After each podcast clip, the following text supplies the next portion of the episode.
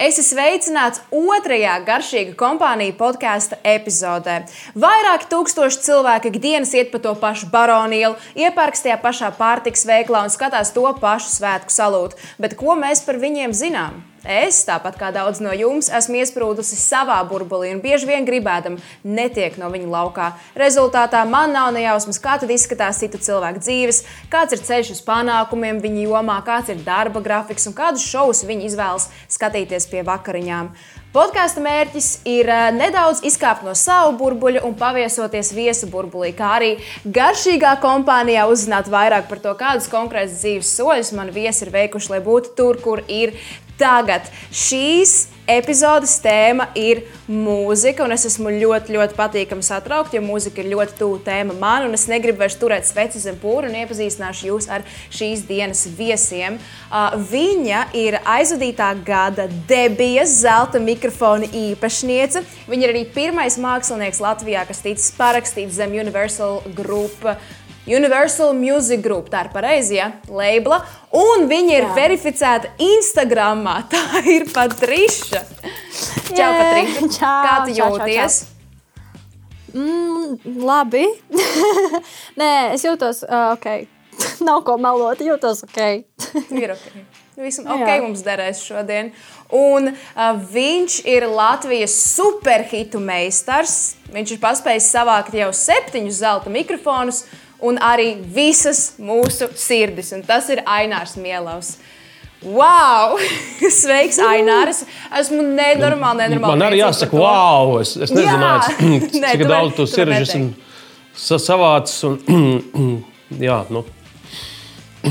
Paldies jā, par, par, par, par atzinīgiem vārdiem. Jautājums bija, kā es jūtos? Jā, kā jūties? nu. Man arī godīgi. nu, protams, ka godīgs savādāk no manis nesagaidīt. Nu,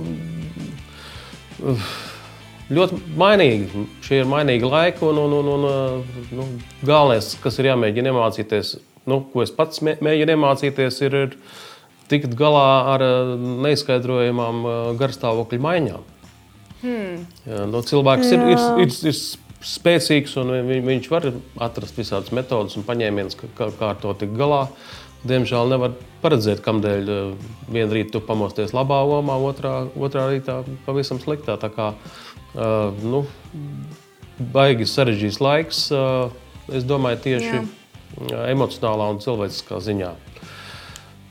Jo īpaši tiem, kuri, kuri nedzīvo vieni, kuri nav, nav, nav pieraduši ilgi būt kopā, piemēram, nu, ģimenes, kurā nu, tēvs strādā vienā darbā, māma otrā. Uh, bērni iet uz skolu un pēkšņi blaukš un uh, viss ir kopā. Tas ir ļoti, ļoti smags pārbaudījums. Jā. No otras puses, ir tie cilvēki, kas, uh, piemēram, ir vieni paši, tā kā es, un citreiz ir ļoti vientuļi. Bet es pieņemu, ka tas tāpat ir nedaudz vieglāk nekā um, viss tas jāmpadracis, kas tagad cilvēkiem notiekās mājās, ir tīpaši daudz bērnu ģimenē. Um, es gribētu sākt ar jau tādu iesildošo jautājumu, un uh, tas ir, Kā sākās jūsu vispār attiecības ar mūziku? Pavisam dabiski, jau no bērnības. Mūzika ir bijusi tuva, un, un kaut kā caur ģimeni arī ir laikam, tā sanācis, ka es esmu iemīļojis mūziku. Un, un dabiskā ceļā vienkārši esmu virzījusies uz priekšu. Tieši nodarbojoties ar mūziku, jau skolā, bērnu dārzā dziedāju, piedalījos dažādos pasākumos, kuros bija jāuzstājas un jādzied. Un, Un uh, kopš mazotnes es sapratu to, ka man ļoti patīk dziedāt, man patīk uzstāties. Un, uh, un tā lēnām laikam ejot, nu, redz, kur kaut kā dabiski esmu ievirzījusies, tur, kur es šobrīd esmu. Es ceru, ka tas dabiskais ceļš arī tā turpināsies. Es domāju, ka noteikti. Aina, kā sākās tava draudzība ar mūziku? Man draudzība ar mūziku sākās ar uh, mana tēva draugu Jāzepu Kulbergu, kurš uh, Tajos senajos laikos, neminēšu konkrētus gadus, Allaž ierakstīja Raimonu Paulu plates. Un šīs plates mūsu mājās nonāca ātrāk nekā laikam, vienīgajā toreiz Rīgas mūzikas ierakstu veikalu plauktā. Uh, un, uh, klausīties mūziku platēs, tas, tas bija mans uh, galvenais hobijs, aicinājums un kaislība jau kopš, es domāju, pirmskolas vecuma. Un, tā tas turpinājās. Protams, tie bija citi laiki un, un, un, un uh, citas iespējas, un nācās krietni nopolēties, uh, pacensties, lai izdzirdētu labu mūziku, neparastu mūziku. Mm. Īpaši, ja šī mūzika nāca no, no, no tā dēvētās rietumu kapitalistiskās pasaules, bet uh, Tad izdevās šos šķēršļus pārvarēt, pārvarēt sarunāt ar cilvēkiem un paziņām. Tad izdevās tikt pie, pie labākās mūzikas, kur joprojām īstenībā tā arī paliek viena no labākajām. Nu, teikšu, Piekritīšu. Beatli mīlu beidlus. Vēl es vēlējos jums pajautāt, jums kā māksliniekiem ir tādas dažādas lietas, ko jūs darat. Jūs rakstat dziesmas, jūs rakstat vārdus, jūs ierakstat viņus, dodaties uz studiju, jūs uzstājaties priekš skatītājiem. Kas priekš jums ir tas mīļākais process dziesmas tapšanā? Es teiktu, ka mīļākais process, laikam, man pašai personīgi ļoti patīk īstenībā strādāt kopā ar citiem cilvēkiem, tādā komandās vai grupās, un rakstīt tādā veidā dziesmas pašai. Tad, kad es rakstu pati viena mājās dziesmas, tad tas ir vairāk tāds intīmāks un, un personiskāks process. Līdz ar to man varbūt nepatīk. Tāpēc, ka es īsti nevēlos savā dziesmās arī atklāt to savu personisko kaut kādu daļu.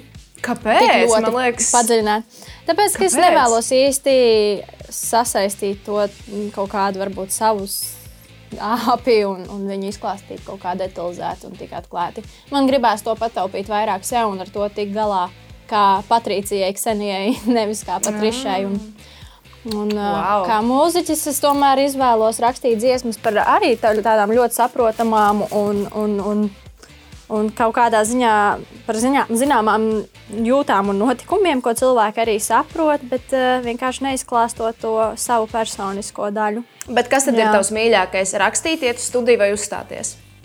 Um, es teiktu, ka abi šie procesi ir ļoti mīļi. Viņi ir atšķirīgi pavisam. Tā kā viņus nevar pat salīdzināt. Nu, vismaz es viņus neuzskatu kā salīdzināmus, jo studija ir tas process, kur tu ej un tu ej ieraksti, raksti dziesmu. Tas ir arī tāds ļoti intīms process kaut kādā ziņā. Un tu vienkārši esi ieslīdis tajā savā darbā, kas tev ļoti patīk, un tu, tu tiešām esi tādā kaut kādā kosmosa burbulītī, ja tā to var nodēvēt. Un uz skatuves vairāk, nu, tas ir moments, kad tev ir jānorauj kā kaut kādā ziņā tas jumts, vai, vai, vai tieši otrādi ir jāmēģina kaut kā aizskart cilvēks, aizsniegt esot uz skatuves, tas ir atkal darbs ar uh, publiku. Un ne tikai. Aināra, kā ir ar tevi? Rakstīt vārdus, ierakstīt dziesmas vai uzstāties? Nu, man viennozīmīgi pat, pat, pats, pats svarīgākais šajā mākslā ir, ir uzstāšanās, dzīves uzstāšanās. Tieši tā. Un ne uzreiz, bet jāsaka, ar gadiem, ja, ja vēl izdodas piedzīvot to, ka tev pašam skrien skudriņas par muguru no tā, ko tu esi atcerējies un kā tu to esi nodziedājis un kā tā puiši ir nospēlējuši, tad eh, nu, es varu pielīdzināt vienīgi šo sajūtu eh, tām sajūtām, kādas man bija, kad eh, dzīva manas jaunākās meitas un es biju klāt dzemdībās. Tā, wow. kā, tā, tā, tā, tā, noteikti ir nu, tā lielākais gandrījums un bauda.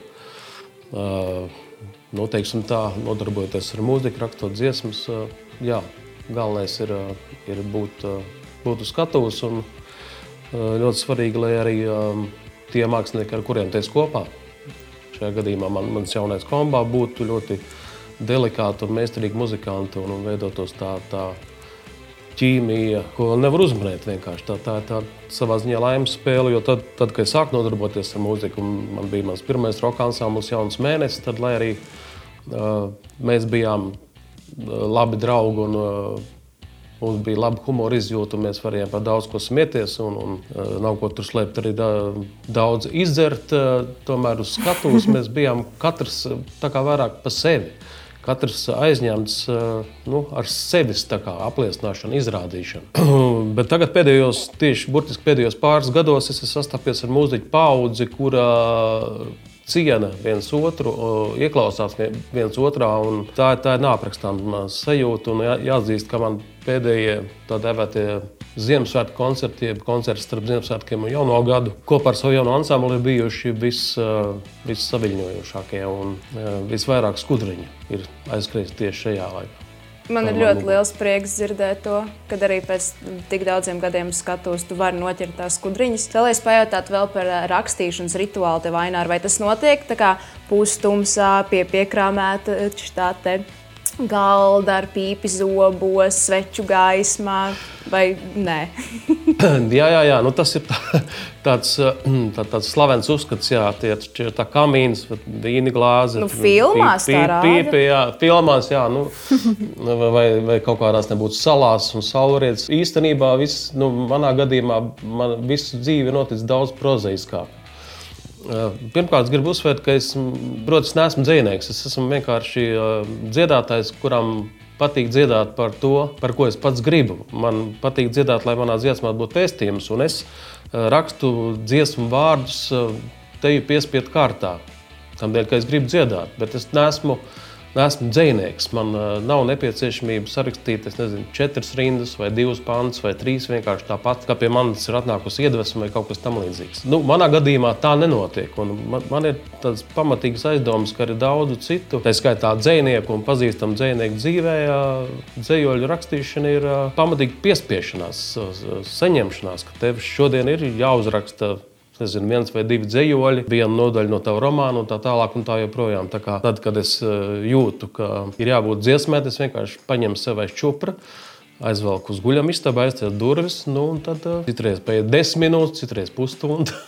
Man liekas, ka tu nu, esi tā, tā. ļoti pieticīgs, ja tu saki, ka tu neesi dzinieks. Jo klausoties tavu mūziku, man liekas, ka tā ir dzēja, kas nu, nevar. Cilvēks ar nedzējnieku dvēseli nevar no sevis izspiest ārā tos tekstus, kas ir tavās dziesmās. Man tā šķiet. Man liekas, ka tas vienkārši pieticīgs. Bet cik bieži tas, ko tu uzrakstīsi uz papīra, pārto par īstu dziesmu? Varbūt procentuāli, cik piemēram no desmit gadījumiem, kad tu uzrakstīsi desmit dziesmas uz papīra, cik patiešām tiek ierakstītas? Pa lielam viss tiek ierakstīts, pēc tam vienkārši notiek tā dabiskā atlasīta, to tā nosaukt. Vienkārši ir kaut kāds konkrēts dziesmu skaits, kurš beigās reāli tiek arī izdots. Jo vairāk tu raksti, jo labāk, un tad tev ir lielāka arī iespēja vairāk varbūt izdot un izvēlēties no tā, kas tev ir. Jo man arī pašai ir uh, vēl ļoti daudz dziesmas, kuras ir uzrakstītas, un viņas ir uh, ierakstītas. Viņas ir ļoti foršas dziesmas, kuras varētu arī izpildīt, bet es vienkārši vēl esmu izvēlējies viņas neizdot. Ar domu, Jā. ka varbūt viņā vēl ir tā kā nedaudz jāpamarinējās tajā burciņā. Mm. un, un tad, kad būs tas laiks īstais viņai doties ārā plašumos, tad, tad, arī, tad arī būs. Jā. Nu, es skaitījis, neesmu, bet es domāju, ir kaut kādi daži desmit dziesmu tekstu, uh, kurus, kurus es pats esmu izbrāķējis. Dažādu iemeslu dēļ, bet, ja es akceptēju šo, šo šo tekstu, nu, labi, sauksim to par dzējoli. Jā, jā. Tu drīkst to saukt par dzējoli. jā, paldies. Uh, tad seko nākošais etaps, kas īstenībā ir uh, ļoti izšķirošs. Uh, tad es atceros šai dziesmai, šiem vārdiem melodiju.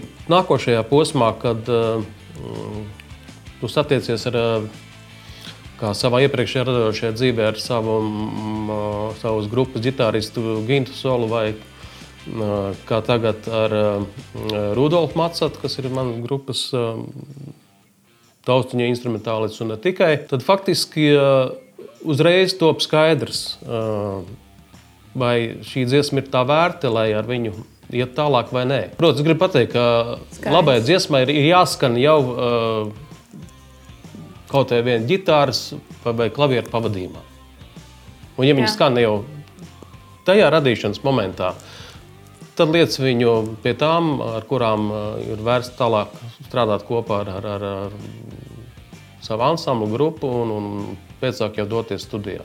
Tā. Man vienmēr ir interesējis, eh, kā tas ir izpildīt vienu un to pašu dziesmu simto, divsimto reizi. Un, uh, zinot to, ka skatītājs gaida tādas pirmreizējas emocijas, jo viņš varbūt pirmo reizi to dzird dzīvē, kā tas ir jums, kā māksliniekiem? Hmm, es teiktu, ka katru reizi patiesībā tā dziesma kļūst kaut kā tuvāka, kaut kādā ziņā. Es pat neteiktu, Tiešām. man likās. Jā, es, eh, es sākumā arī domāju, piemēram, izdodot dziesmas, varbūt tā. Protams, ka viņi ir jānodzied katrā koncertā, jo tā pārsvarā ir dziesma, ko cilvēki šobrīd arī gaida.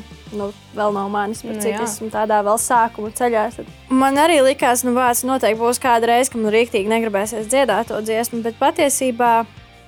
Esot uz skatuves un uzstājoties, tā dziesma arī ir viena no dziesmām, kuras gaidu, jo dzīvē viņa izpildīta ir ļoti, ļoti forši. Un tu redzi arī cilvēkos to, cilvēku acīs to mirdzumu, ka viņi ir gaidījuši to dziesmu, viņi dzied līdzi. Un, un man liekas, tas arī ir tas lielais atalgojums par to dziesmu un kāpēc viņa ir tapusi. Un vēl, vēl man nav bijis tāds gadījums, ka man, man apnīk kāda konkrēta dziesma izpildīt. Un, un, un tā drīzāk ar katru reizi man šķiet, ka tā dziesma tiek vairāk un labāk izprasta. Pat. Un Ainār, tev ir nācies vairākus gadu desmitus uh, dīlot ar to, ka tev prasa labradoru, vai tu saviņoji mani visu laiku, kādas tev ir sajūta. Galvenais uh, visā šajā lietā ir um, darīt tā, lai tev pašam ir interesanti. Respektīvi, n- nedrīkst kāpt uz skatuves. Kā jūs pareizi pieminējāt, jau kuru gadu desmitu uh, tikai tam dēļ, ka tu neko citu nemāki darīt, uh, tam dēļ, ka ar to, piemēram, var kaut ko nopelnīt un tam līdzīgi. Uh, Mākslinieka galvenais uzdevums ir uh, darīt visu tā, lai viņam pašam būtu interesanti skatuves. Ja tas tā būs, tad būs interesanti un saviņojoši arī publikai. Un tikko tas tā nenotiek, to momentā var just. Līdz ar to, kopš esmu to sapratis, es, man nav problēma dziedāt. Es nezinu, trīsimtu reizi tu saviņoji mani vai, vai, vai labradoru, vai kad mēnesis jūrā krīt. Uh, Es katru reizi cenšos parūpēties, lai man pašam būtu interesanti jau kuru reizi šo dziesmu nodziedāt. Un, ja zālē ir cilvēki, kuri uh, to dzird ne pirmo reizi, bet iespējams desmito, lai arī viņi justu šo atšķirību no, no iepriekšējās reizes, kas bija pirms gada, desmit vai, vai tam līdzīgi. Ko jums nozīmē vārdi atbildība pret klausītāju? Tas ir apmēram tas pats, ko, ko es eh, minēju iepriekšējā savā runāšanas reizē, ka tā ir pati galvenā atbildība māksliniekam saprast to. Ja tev tiešām vairs nav ko teikt, ja tu nemāki pats izklaidēties, koncertējot, ja rādot savu mākslu, tev, tev nav nekāda tiesība kāpt uz skatuves, jo, jo tādā veidā tu, tu vari sarūktināt arī nu, pat savus kvalākos cienītājus. Jā. Tā kā es tikai, tikai apstiprinu to, ko, ko, ko es jau iepriekš teicu. Respektīvi, es gribu pateikt to, ka ar uh, gadiem nav iespējams noslēpt tikai aiz, uh, nu, piemēram, profesionālas varēšanas. Uh, aiz tā, ka tu joprojām savos gados uh, nedziedi šķīvi, ka visi tavi muzikanti spēlē precīzi, perfekti. Uh, visas lampiņas iedegās un izdegās tad, kad viņām vajag. Ja nav šī iekšējā dzirksts, šī te, šis te mirdzums, būsim godīgi, manas paudzes muzikantu, mākslinieku acīs, tad, tad, tad, tad nekas nenotiek. Vienkārši. It kā viss skan, viss ir, bet uh, ir milzīga vilšanās. Un, Jā. Sajūta nav, un es esmu to piedzīvojis. Un, uh, atzīšos, tur nav ko slēpt. Uh, arī pats vairākas reizes koncerta karjeras laikā uzstājies bez šīs dzirkstes. Es par to ļoti uh, kaunos, man ir ļoti žēl. Es atvainojos tiem cilvēkiem, kas, kas iespējams to, to piedzīvoja un to sajūta. Bet kopš uh, es sapratu, ka tā nedrīkst, tas vienkārši nav. nav, nav, nav uh, Cienījami, mākslinieks tā nedrīkst rīkoties. Es domāju, ka ikvienam man uzstāstās reize, Neatkarīgi no tā, cik liela ir auditorija un uh, cik plašs ir mana muzikanta lokus, ir, ir īsti un patiesa. Baigi forši dzirdēt. Bet tev atkal tev ir ļoti augsti standarti pret sevi, jo tu saki, mākslinieki tā nedrīkst. Es domāju, ir daudz mākslinieku, kas nedomā, ka tā nedrīkst. Kam vienkārši ir labās dienas, sliktās dienas, ir reizes tu uzkāpsi tās skatuves, un tev ir viena alga. Bet uh, pat rīši, kā ir tevi, atbildība pret klausītāju. Nu, es teiktu, tā, ka pirmkārt jau ir jābūt pašam sev, ja tu esi dabisks un uh, patiess gan pret sevi, gan pret savu klausītāju. Tad tas jau ir pirmais bonus, ka tu neesi viens cilvēks, piemēram, sociālajos tīklos, kuram sako tavs klausītājs, un viņš redz, ka tu esi super foršs un attraktīvs, un tad tu aizēji. Uz, piemēram, tad viņš atnāk uz manu koncertu, un viņš redz, ka es absolūti tāda neesmu, ka es uh, vairs neesmu interesanta. Uh, tāpēc arī man ir svarīgi būt man pašai. Un, uh, un, ja tu arī dari savu sirdslietu, tad es uzskatu, ka, un, ja tev vispār patīk, un, un šobrīd mēs runājam par uzstāšanos uz skatuves un mūziku, ja tu to dari, tad, uh, tad katra reize arī priekš, piemēram, manis tā ir reize, kad oh, šis ir tas foršais moments, kad es to varēšu tā nomaukt. Jo man tā gribās, un es gaidu, es vienmēr gaidu to momentu. Man tas vienmēr ir tāds superliels, saviņojošs kaut kāds satraukums un prieks, un mani pārņem, ka es to varēšu iet. Un, uh, ir jābūt tai deksmei pret to, ko tu dari. Jā, ja nav tās deksmes, tad arī to nesajūtīs tie, kas nāk tevi skatīties, klausīties un, un tā tālāk. Ir teiciens, neskati vīru pēc cepures. Bet vai jūs uzskatāt, ka vīru var skatīt pēc viņa mūzikas gaumes? Tagad, Ainār, tev būs jāizvēlās vīrs pēc cepures, pēc mūzikas. Nē, nu, šajā gadījumā cepure jau ir, ir ļoti, ļoti ietilpīgs jēdziens. Tā cepure faktiski ir kā nu kuram cilvēkam, bet tādiem, kuriem ir plašāks redzesloks, ir pavisam milzīgi. Un kas tik viss tur nav iekšā? Nē, nu es domāju, ka tas ir, ka, protams, ka man būtu patīkamāk eh, sarunāties. Eh, jā, nu, piemēram, sarunāties ar eh, tikko iepazītu cilvēku, ja mums ir kopīgs intereses. Nu, viņš klausās apmēram to pašu mūziku, ko es, un atzīst to pa labi esam. Ja viņš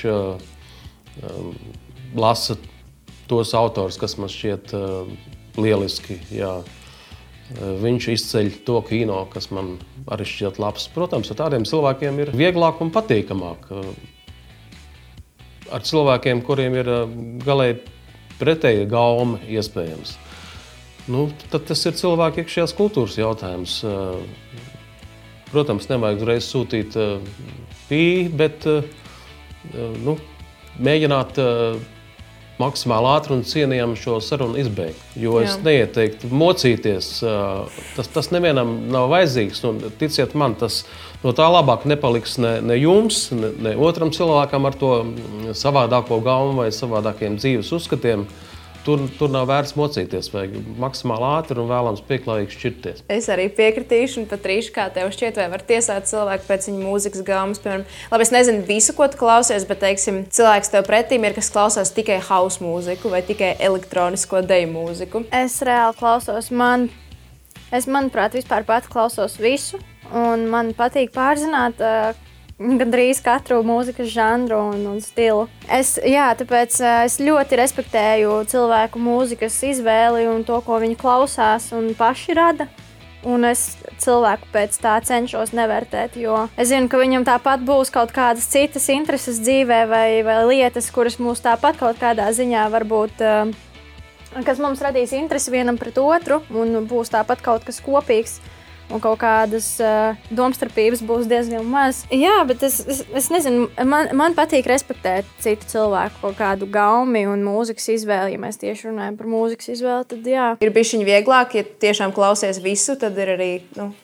Atrodams kaut kas kopīgs ar jebkuru garām gājēju. Man pāris jautājumu tieši tev tagad, Patrīša, un es gribēju pajautāt. Pastāsti man vienkāršu cilvēku valodā, ko tas nozīmē būt zem labela. Ko tas nozīmē tev kā māksliniekam? Kas mainās? Jā, es varu pateikt divos vārdos. Tas ir ļoti, mm, labi, trīs vārdos. Ļoti liels atbalsts. Jā, ļoti liels atbalsts. Par ko es esmu ļoti pateicīga tiešām no visas sirds. Un es varu teikt, to, ka es strādāju ar fantastiskiem cilvēkiem, un viņi ir ļoti cilvēciski un ļoti atbalstoši. Es jūtos, ka tā ir vēl viena man kaut kāda ģimene, kas reāli man palīdz, motivē un ļoti atbalsta manā šajā ceļā.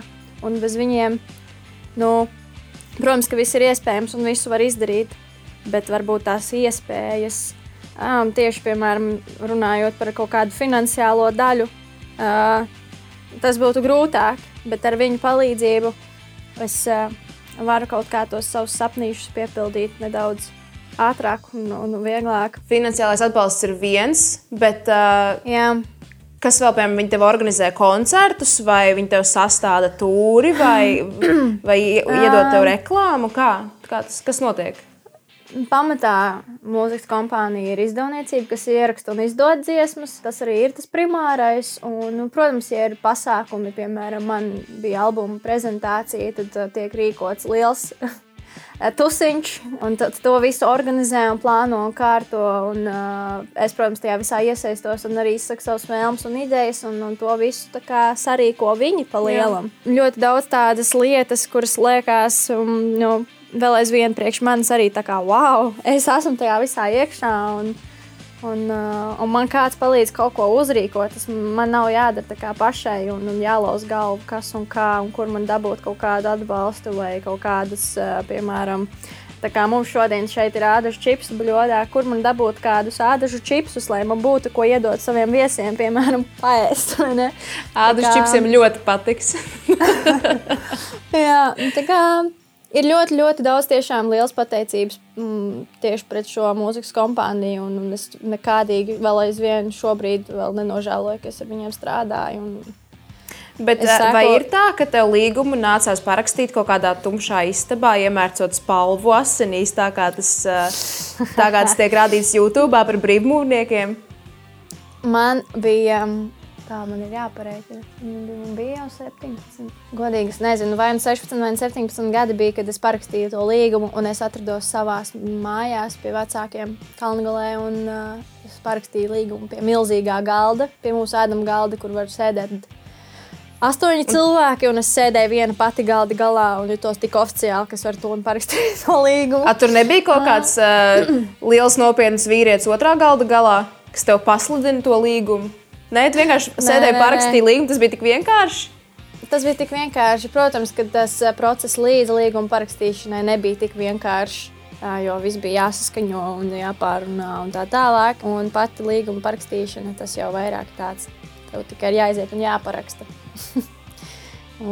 Kad ir gaidāms jauns Patrīšas albums? Kad ir gaidāms jauns Patrīšas albums, vai labi, īstenībā jau man, man nav bijis albums, man ir bijis mini, mini, albums, mini albums, un kad digi, būs okay. digitāls. Tad domā vēl tādu um, debijas albumu taisīt, tu esi vēl ceļā. Ja? Nu, tādu taustāmu, reālu albumu, kurā būtu teiksim, vairāk par um, septiņām dziesmām, es plānoju noteikti rakstīt un izdot kaut kad. Šobrīd vēl nē, īsti neredzu vēl, ka man uz to būtu jāiet. Šobrīd vairāk strādāju tiešām un gribētu izdot singlus, un, un, un, un, tad, un tad varbūt tad varbūt albums. Es tā kā Jā. uzticos tam, es saku, dabiskajam ceļam. Un, protams, man ir savi plāni, man ir izplānots, ko es vēlos, un man ir savi mērķi, uz kuriem tiekties. Jo, ja nav mērķi, tad tu īsti nezini, uz kuriem tu kusties un kas Jā. tev būtu jādara. Uh, bet es viennozīmīgi neuzspiežu sev šobrīd, piemēram, jā, man ir jāraksta tik un tik daudz dziesmas, jo man gribās albumu. Tad, kad uh, es sapratīšu, un man būs dabiski atnākusi tā sajūta, ka man ir jāraksta albumu un dziesmas, tad tas arī notiks. Man negribās uzspiest kaut ko un izspiest no sevis kaut ko, kas nebūs dabisks, um, tāds patīkams process. Tu esi viena pati meitene uz skatuves, un kā tu aizpildi to visu ar savu enerģiju? Tas jau ir jāsaka tev vai kādam citam, kas man skatās. Ne, es pati vienkārši saku. To... Kā tu to dabū gatavu? Tas ir tev vienkārši ir iekšā, un tu kaifo pati. Nē, jā, tāpēc es saku, tā ir tiešām ļoti tuva lieta, ko man patīk darīt. Un es to izbaudu. Un katru reizi, kad es eju, es vienkārši esmu super priecīga un pateicīga, ka man ir iespēja iet un darīt to, kas man tiešām patīk. Un Tik forši. Es eju un izdaru uz simts un vairāk. Un, un, un viss. Un tā enerģija nāk pati tajā brīdī. Pat ja tev viņas eh, pirms tam varbūt nav, un liekas, ka nebūs, tu uzēji uz skatuves, un tā ir vieta, kas tev vienkārši izhīlo, ja mēs tā Super. varam teikt. Es lasīju, ka tev uh, Niks Patrīša ir no 12 gadu vecuma. Tev nav bijis kaut kāda, kāda brīža, kad tu gribētu viņu mainīt, vai arī kaut kādi citi niki, kas tev ir padomā, kad varētu tur rebrandoties, vai tu jau kopā saugusi ar to vārdu? Nē, protams, ka tagad jau um, esot zem izdevniecības, un arī, kad ir dziesmas, kurā mākslinieks un izpildītājs ir patrīša, tad, protams, ka nekas cits vairs, kā man liekas, to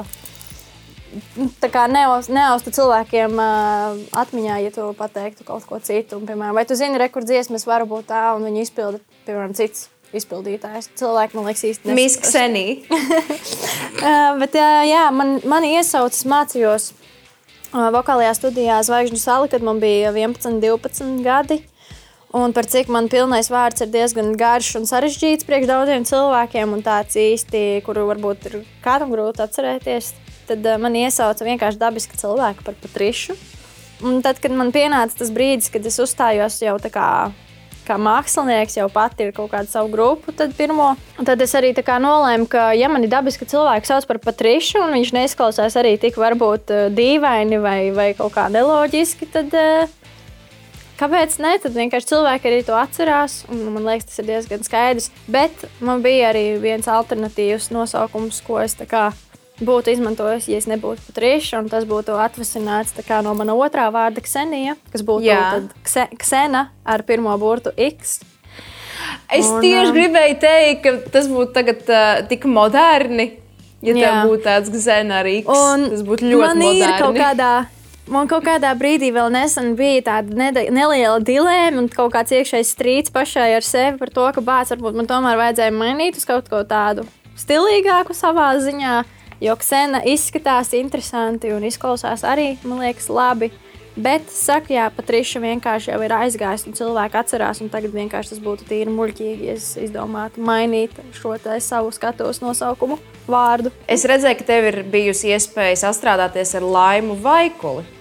Vai ir kaut kas, ko tu no viņas esi iemācījusies? Nu, sastrādāties ar viņu. Neteiktu, ka tā bija sastrādāšanās vairāk, tas bija vienkārši, ka es reāli piedalījos un tika uzaicināta piedalīties viņas šajā festivālā Laima Randevu. Bet, protams, es ar viņu arī iepazinos, un es varu teikt, ka viņa ir ļoti sirsnīgs un, un supergaišs cilvēks. Vismaz tas, kā es viņu iepazinu. No, viņa man ir kopš uh, mazotnes bijusi viena no tādām izpildītājām, kurai es reāli sekoju līdzi un klausos viņas dziesmas. Man tiešām vienmēr ir paticis. Un arī, kad es braucu vasarās, maza būdama pie savas babuškas un ģēduškas, tad, tad uh, uh, man babuška teica tieši, nu, tā kā, re, kur tu izaugs liela.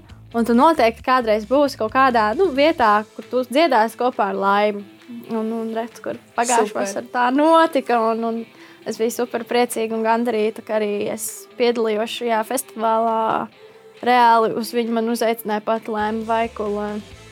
Un, un tas viss liekas tā, ka citreiz gribās vēl iekņept sev, lai saprastu, ka tas viss notiek. Bet tas ir tik forši. Man ir tāds prieks. Malacis. Labas lietas notiek Paldies, ar labiem labs, cilvēkiem. Un, runājot par labiem cilvēkiem, čau, Ainār. uh, ko tu uzskati? Ko tu uzskati par savas karjeras lepnāko brīdi, un vai tu pats proti vispār priecāties par saviem panākumiem? Nu, man, man šķiet, ka jā. jā. Nu, es godīgi sakot, joprojām arī. arī tagadējā dzīves posmā mācos priecāties par, par pie pirmās iespējas. Konkrēti tituli vai, vai kaut kas tāds man, man nu, ir teiksim, bijuši nu, varbūt mazsvarīgi. Bet kaut gan jāatzīst, Tad, kad uh, Bruka padomju savienība un arī pie mums bija juku laika, un es ar ansambli Jauns mēnesis nonācu Polijā tādā festivālā, kas arī padomju laikos tika rādīts uh, padomju savienības televīzijā, Festivāls notika Polijas kurorta pilsētā Sopota. Uh, Jā. Un tad, kad mēs uh, tur dabūjām to pirmo vietu, tad, uh, tad bija tā, tā, tāda eifórija. Jo, kā lai pasakā, nu, jāsaka, kā bija uh, Latvijā. Mani toreiz, uh, nu, iespējams, joprojām daudzi, īpaši cilvēki ar muzikālu izglītību, uh, nu, nepieņēma. Viņi uzskatīja, ka cilvēks, kurš uh, nepazīst notis un neprot spēlēt mūzikas instrumentu, ka viņam nav tiesību kāpt uz skatuves. Uh, un, un, un, ka vispār neviens nedrīkst viņā klausīties, un viņš nedrīkst saņemt balvas. Un, uh, tur tā ārzemju žūrija, starptaut, starptautiskā žūrija, kura nezināja, ka es neprotu spēlēt instrumentus, nepazīst notis, bet vienkārši klausījās jaunā mēneša dziesmā, piekūns skrien debesīs. Tie, kuri neko to nezināja, kuriem nebija, kā tagad saka, tas backgrounds, neusticības, teiksim, jeb, jeb aizspriedumu bagāža, viņi iedeva man Grand Prix. Jā, tā, bija, tā bija patīkama sajūta. Nē, pēc tam, atceroties kaut kādas balvas, statuetes, nekad Neko tam līdzīgu es neesmu, neesmu piedzīvojis. Man liekas, tagad ir bijis savādāk, jo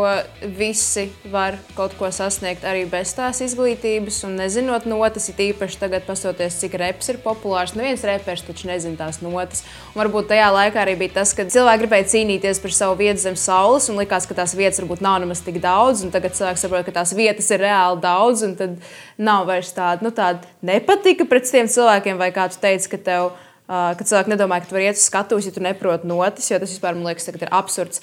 Bet uh, tu pieminēji jaunu mēnesi, un es gribēju pajautāt, tajā laikā, kad tu taisīji jauns mēnesis uh, dziesmas angļu valodā, vai jums bija mērķis vai cerība izsisties globālajā tirgū?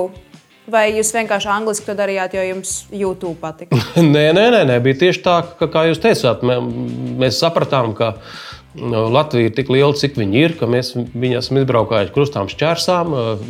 Ir bijis labi, bet ja mēs gribam mēģināt izdzīvot paši un uzturēt uh, savus ģimenes, jo daudziem tajā laikā jau bija ģimenes, tad ir nepieciešams mm, paplašināt uh, auditoriju. Uz Krieviju uh, tajā laikā skatīties, uh, nezinu, kāpēc negribējās vispār. Uh, un, un, un tad likās, jā, ka šis pareizākais ceļš ir mēģināt uh, iepatikties uh, tiem cilvēkiem, tām auditorijām. Uh, kuri klausās dziesmas angļu valodā. Mūs arī ļoti atbalstīja mūsu tautieši Amerikas Savienotajās valstīs un Anglijā. Un, un, jā, tad, tad mums likās, ka mēs esam tik kolosāla grupa ar tik, tik superīgām dziesmām, ka atliek tikai viņas iztulkot angļu valodā un nodziedāt, un viss būs sajūsmā, un, un, un mēs pildīsim stadionus. Realtātē viss vis, vis, vis tā nenotiek. Un es īstenībā gribu pateikt, neskatoties to, ka, protams, mūsdienu tehnoloģija attīstība, visas šīs mūzikas straumēšanas lietas var labu dziesmu, var padarīt strauji populāru burtiski dažās dienās. Līdz ar to arī šis dziesmas autori un izpildītāji. Tajos laikos, uh, un arī, domāju, arī tagad, ja tā ir uh, grupa, mūzikas grupa ar kaut kādu konkrētu mūzikas um, stilu, viņai ir tīri fiziski jāatrodas nu, tādā valstī, kuras klausītāju lielāku uzmanību viņi vēlās piesaistīt.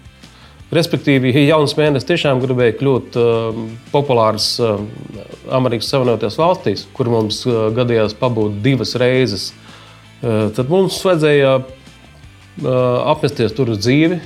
Piemēram, tajā pašā Vašingtonā, no kurienes tika koordinēts mūsu, mūsu turnēs, kļūt populāriem Vašingtonas viena rajona muzikālajā bārā. Pēc tam uh, darīt visu, lai mūs pamanītu uh, vietējie studenti pēc tam uh, kļūt populāriem visā štatā. Nu, tā soli pa solim. Uh, bet uh, tajā laikā lietas tā nenotika. Un arī mūzikas izplatīšanas, mūzika nevar, nevar izplatīt tā kā tagad. Tad tiešām bija, bija jāpanāk lielo mūzikas izdevniecību atbalsts, lai viņi apmaksā tev studiju un izdod beig beigās eh, kaut kādā formātā tādu albumu, kurš tad nonāk veikalā un kur, kur, kura dziesmas iespējams spēlē par radio. Tas bija garš ceļš, bet es gribu uzsvērt, ka, jā, ja toreiz, un es nedomāju, ka vispār kādam tas izdevās, gribēja gūt panākumu dziedot angliski vai, piemēram, ja kāds būtu gribējis dziedāt krieviski, tik un tā, es domāju, ja viņiem būtu jāpārceļās dzīvot uh, un jābūt vietas tādā valstī, uz kuru šis mākslinieks mērķē, uz kuru auditoriju viņš mērķē. Tā vēlējos pajautāt, tu esi džeks uz skatuves. Ar jauns mēnesi jūs vispār bijāt daudzi džeki uz skatuves ar frizūrām. Kā bija ar uzmanību no daļā dzimuma, kā sieva ar to tika galā, kā viņa joprojām tiek ar to galā, un varbūt ir arī kāds kurjos, ar ko tu vari padalīties? Nu, pirmkārt, es esmu divreiz precējies. Eh, nezinu, tagadējā laulībā, savā laimīgajā laulībā, laulībā man, eh, es neesmu ticis apgrūtināts ar šo uzmanību. Eh, man sieva nekad man nav jautājusi jautājums, vai, vai, vai, vai, vai kā, kāda pielūdzēja man traucē, vai, vai, vai kaut kā tam līdzīga. Es domāju, tas ir tīri, tīri latviešu mentalitāte, ka mēs esam atturīgāki cilvēki. Un, Tagad, ja jūs turpināt apgalvot, ka, ka par pielūdzēju pūļiem, meitenēm, kurām es patiku, es godīgi sakot, tā pa īstam ticēt, joprojām, joprojām negribu. Jo, Nopietni. Tas ir tikai ne, nu, nu kā, nu, nu, nu nerāva man aiz, aiz rokas, nu, nerakstīja man vēstules, kā lai es pasaku. Nu, uh, varbūt tas ir savā ziņā man, manis paša nopelns, jo uh, sadzīvēs esmu. Uh, domāju, pieklājīgs, bet samērā atturīgs cilvēks, ka es neizaicinu mm. tādu, tādu spontānu, uh, spontānu sevis uzrunāšanu. Es nesūdzos, nedzirdēju, ka, ka, ka kāds cits būtu sūdzējies, ka tas būtu traucējis. Vai tu joprojām nodarbojies ar krūmmelenēm? Joprojām nodarbojos, jo nekas jau lielam nav mainījies. Latvija teritori teritoriālajā ziņā ir tikpat liela kā 1987. gadā, kad es izveidoju grupu Jaunas mēnesis. Tā koncertēšanas iespēja ir tik liela, cik viņi ir. Un, ņemot vērā virkni manas paša izvirzītu prasību pret sevi, pret to, to, kādā veidā man būtu jāuzstājās. Respektīvi, ka tu negribi pārdoties. Jā, reāls sadzīves, sadzīves nepieciešamība nodarboties eh, vēl ar daudzām citām lietām. Jā, pirms vairāk nekā desmit gadiem mēs uh, iestādījām pirmās krūmēlēnas. Šobrīd mums jau ir uh, trīs lauki. Uh, Kā sauc, un? kā sauc tavs krūmēlēns? Krūmēlēnas, uh, nu, Citi viņus sauc par zilanēm. Nē, nu jūsu to, to brendu. Mums nav nekāda brenda pagaidām. Mēs, mēs viņus neražojam tādos daudzumos, lai, lai, lai piešķirtu um, speci, speciālu, speciālu nosaukumu tam. Tas tā savējiem vairāk? Nē, tas nu, nav, nav tikai savējiem, bet, bet mūsu. Teiksim, tas ogu daudzums nav tik plašs, lai mēs varētu sākt uzrunāt, piemēram, lielveikalu ķēdes vai kas. Aha. Uh, pēdējos gados ļoti populāri, ka cilvēki paši ļoti daudz brauc pie mums un, un paši salas ogas un, un uh, nosveram tās un, un par mazāk naudu nekā paši viņas lasījuši, aizbrauc priecīgi prom. Pavadījuši dažas stundas svaigā gaisā un, un, un nepārpūloties. Patricija ļoti labi zina, kā tas ir. lasīt melnēs, joprojām atceros, ka viņi ļoti pacietīgi Un, un nesūdzoties, to darīju nu, jau pirms daudziem gadiem. Uh, vispār man jāatzīst, ka es nevarētu būt īsti objektīvs un skarbs, ja man uzdot jautājumu, ko domāju par Patrīciju kā par dziedātāju. Jo, jo Patrīcijas māsa ar manu meitu Agatu bija vienā grupā bērngārzā. Es Patrīciju pazīstu nezinu, ļoti sen, mēs esam ļoti bieži tikušies. Un, Uh, viņa, ir, viņa ir tiešām laba, laba godīga, jauka, krietna meitene. Nu, Restīvi, man ir viedoklis par viņu. Uh, nevis kā par dziedātāju, bet kā, Nu, kā par, kā par, par, jaunu, par jaunu, ja, jaunu sievieti. Tas, ir, tas ir galvenais. Jā, bet, eh, bet labākais ir tas, ka jā, es strādāju arī tajā meleņu laukā un lasīju. Es nezinu, cik man bija gadi. Man liekas, ka arī kaut kādi 12 varētu būt. Jā, jā bija. kaut kā tāda ap 12 varētu būt. Jā. Un es ar vienu savu klases biedru, kas tolaik man bija labākais draugs, tā kā mēs abi braucām vasarā, bija rīktīgi karsta vasara. Tad mēs lasījām šīs krūmu melnas un bija īstenībā ļoti Ļoti jautri. Mēs arī bijām pa karstu, tad, labi. tad jūs lecāt dīķi. Mēs gājām uz to jā. dīķi peldēt, jā, pa starpai. Tad mums bija pusdienas līdzi sev pašiem. Un, un mums gāja jautri, karsti. Un, un beig, beigās bija arī paēstas melnas, bija salasītas daudz melnas. Un, un redz, kā Tā kā mums ļoti labi šodien saslēdzās šī saruna. Jā, Jā jums jau ir sava vēsture. A, kā tas ir laukos, tas dienas ritms sanāk celties ar sauli piecos no rīta, vai tas arī ir tikai filmās? Tā? Nu, mums ir noruna ar, ar, ar sieviņu, ka mēs lopus neturēsim. Respektīvi, mēs neaudzēsim aitas, govs, cūkus. Nu, Ja ir dzīvnieki tādi, tad, protams, ir jāceļās. Nu, kā saka, govs ir jā, jāslauc un par viņiem jārūpējas. Līdz ar to tāda nu, superaga ritma nav. Nu, nav tāda nepieciešamība. Nu, tiesa, pēdējā pusgada laikā man modina mūsu uh, jaunākais ģimenes loceklis, mūsu korģija buča dēls uh, Valsis. Jā, viņam palika akurāt seši mēneši pirms dažām dienām. Nu, viņš nu, tā nocēlās maksimāli līdz pusaustoņiem no rīta, un tad jau viņš man, man modina. Bet nu, es domāju, ka kļūst, kļūst vecāks arī kļūst pieklājīgāks un ļaus ilgāk pagulēt. Nu, tas ir jāaudzina. Atgriežoties vēlreiz, bija pieminējusi par to YouTube, jo es izlasīju, ka jūs iedvesmojāties no YouTube mūzikas. Kāda vispār Aināra ir tavs mīļākie ārzemju mākslinieki? Beatli, tu teici? Nu, diemžēl šis, šis, šis, šis, šis nav atbildāms jautājums. Tiešām bija nu, laika. Vienkārši tad, tad, tad, sauc, aiziet. uh, nē, nē, nē. es, nē? Nu, nu, pirmām kārtām tādēļ, kad ir, ir mūzikas žanru lokus, ko es tagad klausos un baudu. Un uh, klausos, piemēram, tā iemesla dēļ, ka man jau, uh, jā, man liekas, jau desmit gadus apmēram ir uh, savs ārto rādījums, AM frekvences, kurš jā. pēdējos, pēdējos piecus gadus skan Latvijas rādio trīs programmas klasika ētrā. Es vienkārši piespriezt klausīties mūziku visdažādāko žanru. Es jau sen vairs neesmu nu, teiksim, tā, nu, tik snobisks, lai, lai, lai tikai um, pieslēgtos vien, vienam mūzikas žanram vai, vai, vai, vai novirzienam. Ir, ir, ir nu, bez, bezgalīgi daudz mākslinieku, kas katrs savā mm. veidā ir. ir mani ietekmējuši, mani uzmundrinājuši un, un, un, un uzrunājuši. Tā kā tas jūsu gadījums ar YouTube tiešām bija aktuāls Tad laikā, kad vispār ļoti maz mūzika bija pieejama un viņu skanējums pagājušā gadsimta 80. gadu vidū bija, bija ļoti, ļoti savādāks nekā citiem. tas man ļoti uzrunāja. Un, un, un no ko slēpjas, sākumā tiešām mēs, mēs centāmies nu, iepeldēt apmēram tajā straumē, īpaši skaņas straumē, ko radīja YouTube. Man jāatzīst, ka apmēram divu gadu laikā mēs tikām no šīs ietekmes, manuprāt, vaļā. Un jauns mēnesis jau bija kaut kāds nu, rokas pats par sevi. Jā. Kaut kas jau savs. Patrīši, atgriežamies pie tevis. Varbūt tu vari nosaukt kādus no saviem mīļākajiem ārzemju māksliniekiem. Man ir ļoti līdzīgi kā Aināram. Ka katrā žanrā ir kāds iemīļots mākslinieks, no kuras esmu noteikti kaut ko mācījusies, kaut kādā veidā ietekmējusies. Un uh, katrā šajā izpildītājā un arī žanrā ir kaut kāda sava unikalitāte kas, kas tomēr spēja aizķert un, un, un, un kurā tu vēlēsies wow. klausīties. Tā kad, jā, bet nu, pēdējā laikā noteikti esmu.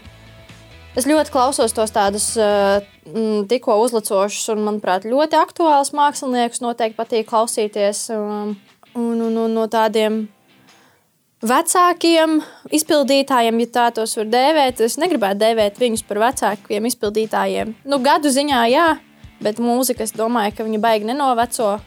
No, vispār ne. Uh, un, uh, tāpēc es gribētu teikt, man ļoti arī pašai patika Beatles. Jā, es klausījos, es klausījos Queen.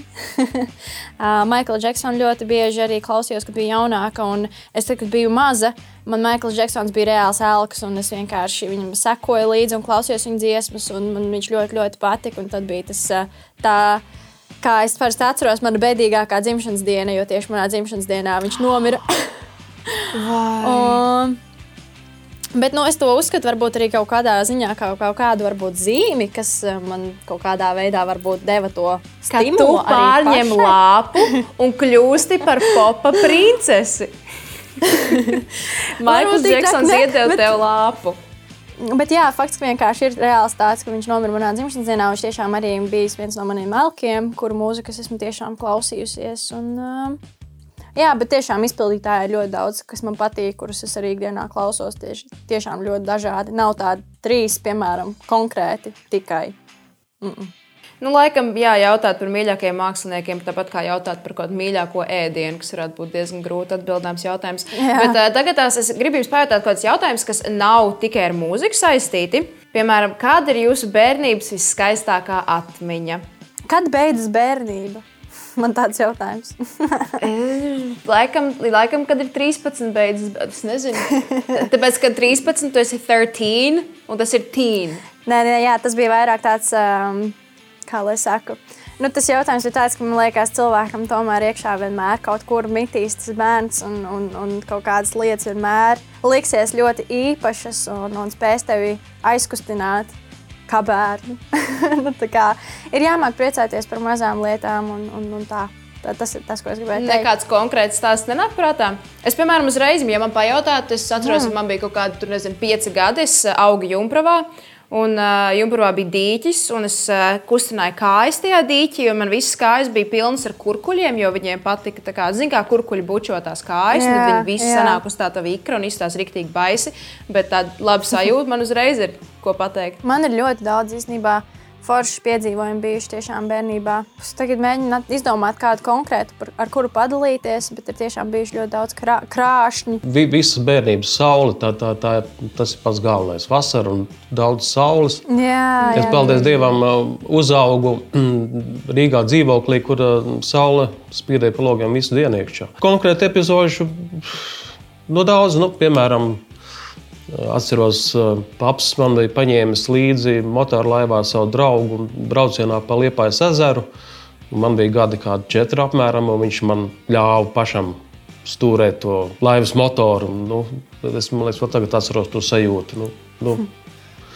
Un nevis turēja, nepieturēja man, bet, bet, bet, bet, jā, nu, nu, bet tāda epizode ir. ir, ir nu, uh, viņa ir Droši vien ļoti daudz, un, ja gribētu atcerēties, varētu sākt tās pierakstīt. Bet, uh, manuprāt, uh, es nezinu, vai tas ir ļoti interesanti uh, citiem cilvēkiem.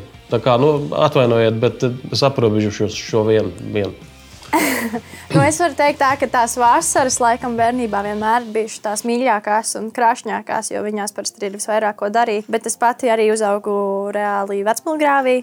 dzīvoklī. Tāpēc es, uh, man patīk, ka man ir arī bijusi tā, tāda rajona bērnu dzīve un vasaras, kad uh, ir kāpts kokos, ir veidoti štābiki kokos, ir iets pagalmā ar kaut kādiem citiem kaimiņiem, kur nāk kopā gan latvieši, gan krievi, spēlē tur kaut kādus kartupeļus vai, vai tautas bumbu. Nu, nu, Ir bijuši, bijuši visādi brīnumi. Īstenībā tikko atcerējos vienu rītīgu smieklīgu, nu, tā kā varbūt ne pārāk smieklīgu, bet jā, bija viena omīte, kurai mēs ļoti nepatikām. Un arī vasarās mēs tur daudzījāmies, un viņi parasti mums tur uh, draudēja mest puķu podus virsū. Un arī ziemā, kad mēs gājām uz kalniņu šļūkt ar ragavām.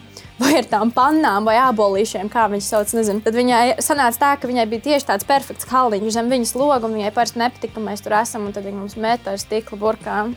Trāpīja arī kādam?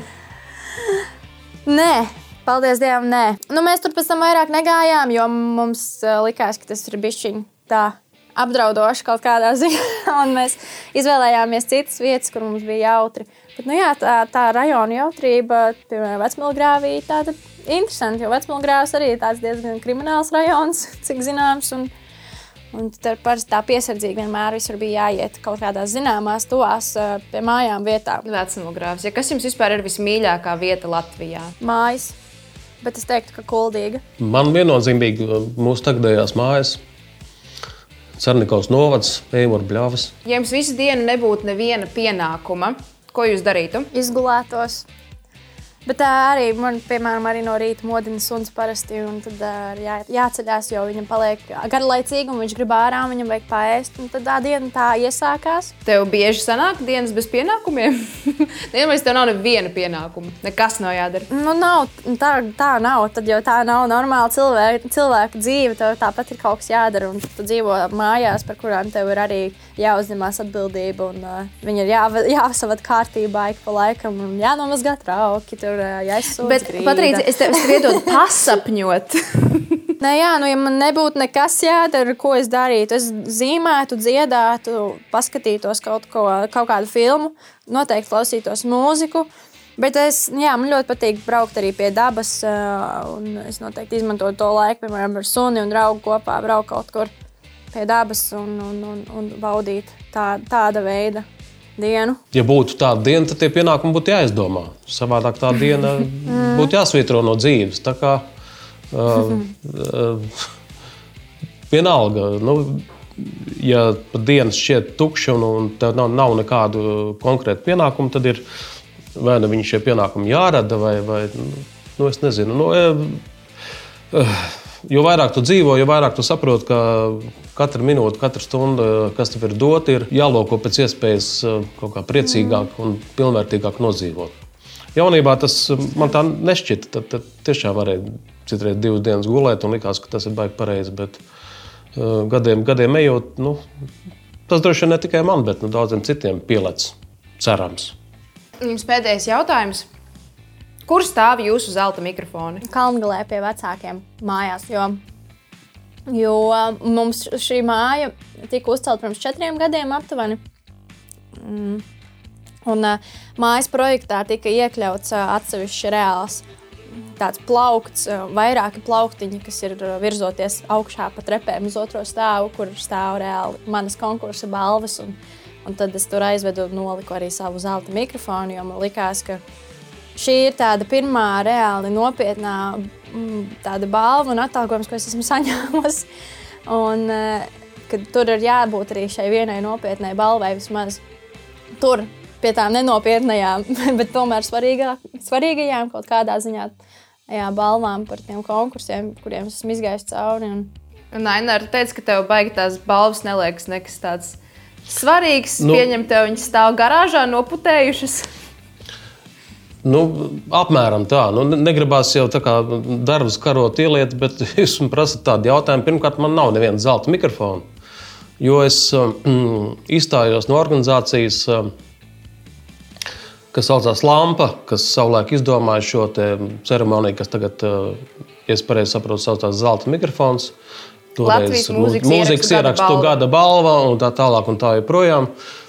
Tas ir garš stāsts, bet uh, pirms apmēram jā, gadiem, nu, plus mīnus 20. Es, neskatoties to, ka pats bija viens no šīs ceremonijas iniciatoriem un pirmajos gados aktīvi ņēmu dalību, aizgāju no šīs organizācijas un vairs nekad neesmu pieteicis nevienu no saviem ierakstiem, jeb ierakstiem, ko, ko, ko esmu izdevis kā izdevējs šai mūzikas balvai.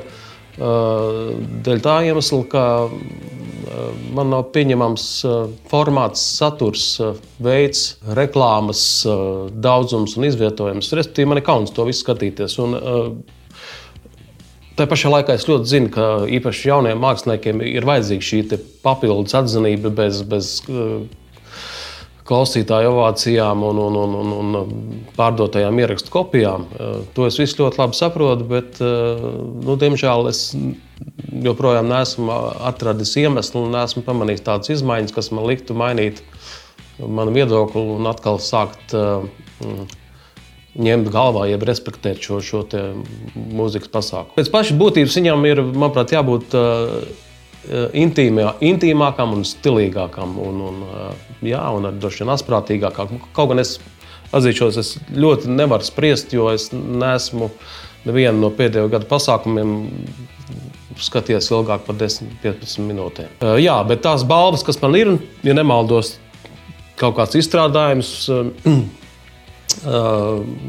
Kurš, starp citu, autors ir joprojām mākslinieks Jēkabsons, ko es mācījos kopā savulaik Lietuvas mākslas vidusskolā. Man stāv kastē, kastē vienā tādā telpā, kur, kur, kur tās kastes var salikt ar lietām, kuras uh, īsti ārā mest negribās, bet pie sienas kārtas arī ne.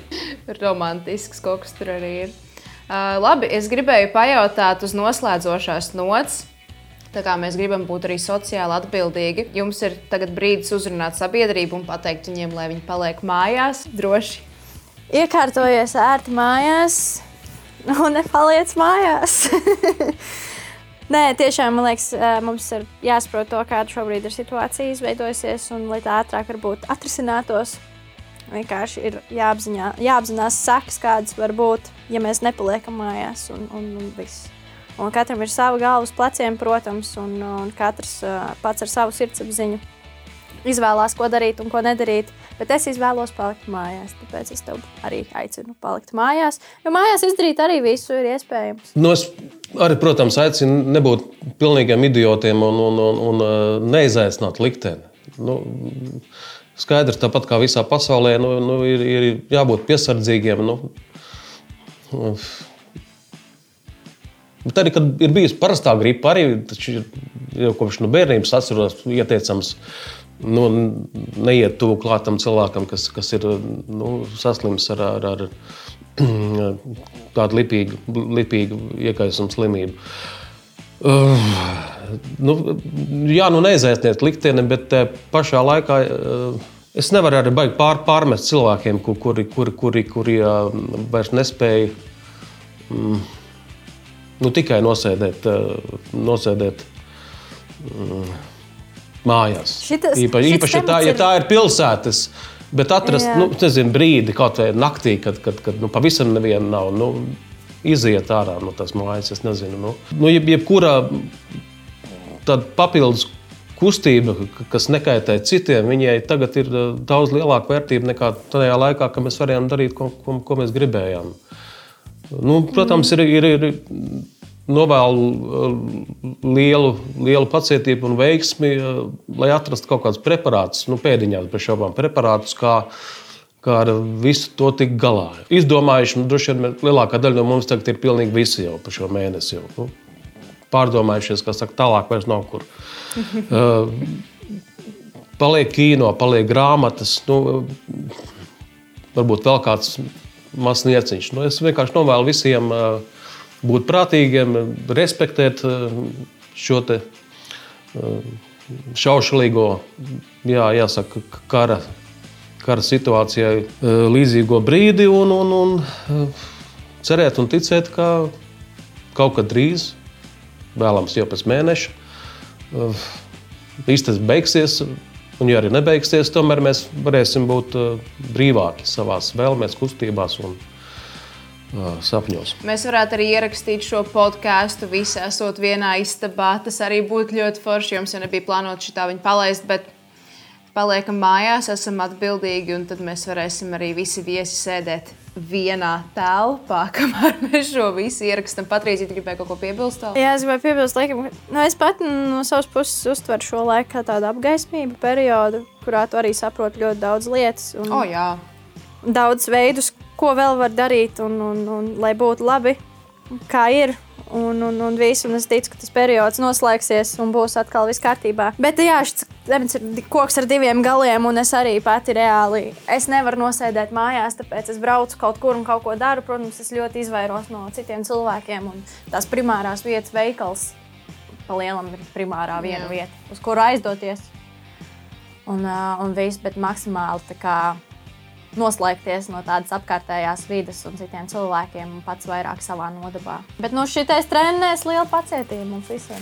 Mēs jau esam šo tēmu, man liekas, tā izrunājuši un izcilājuši mums galvās, ka īstenībā jau tev pajautā tādu jautājumu, un tev jau bija šī vēmēns nāk par to runāt. Bet jāturpina cilvēkiem teikt, jāturpina cilvēkiem atgādināt, ka uh, nekas nav beidzies. Un pat ja tu jau mēnesi dzīvojies šajā te, uh, karantīnas situācijā, uh, un tev nekas vēl nav pielips, tas nenozīmē, ka tas apkārt nestaigā. Mums tomēr ir jāatcerās, ka tas ir kaut kas nopietns. Un, uh, atkal uz tādas nopietnas nots, es vēlos pateikt milzīgi paldies jums, viesi, Ainārs, Mielavs, everybody, Patriša. Man ir ļoti liels prieks, ka jūs atnācāt ciemos, arī šajos apstākļos. Kā jums patika vispār tāda podkāstu pieredze caur uh, video zvanu? Interesanti atnākt ciemos digitāli. Bet, uh, jā, nē, nu, forši. Man patīk. Kāpēc? Nē, tagad, tagad es saku, ir, ir forši, ka šajā periodā tu vienkārši vari atrast vēl visādus veidus, ko darīt, ar ko nodarboties, lai tāpat uh, turpinātu izklaidēt varbūt tos savus uh, skatītājus un, un, Un vienkārši, lai neapstātos tā, tā varbūt kaut kāda ikdienas daļa. Viennozīmīgi, viennozīmīgi visa ikdiena ir jau apgriezusies kājām gaisā visiem, bet, eh, bet fakts, ka to var turpināt darīt. Jā, tas ir, tas ir labi. Paldies par uzaicinājumu. Nu, šajā laikā ir, ir manuprāt, jāizmanto katra izdevība, kā, kā, kā dzīvi padarīt interesantāku. Tieši atbild uz jautājumu, kā es jutos. Īsti es vēl nezinu, bet Kalitvejs saka, bija ok. Tā arī var būt. Tieši kā sākumā atnāca, bija ok, tā arī aizies un ir ok. Es ceru, ka jums, Aināra un Patrīša, šī diena būs ok. Es ceru, ka tev, skatītāji, šī diena būs ok. Paldies, ka skatījāties garšīgi kompāniju. Šī bija podkāstu otrā epizode, un uh, tiksimies jau pavisam drīz, trešajā. Tā, tā. Muchas gracias. Bye. Adiós.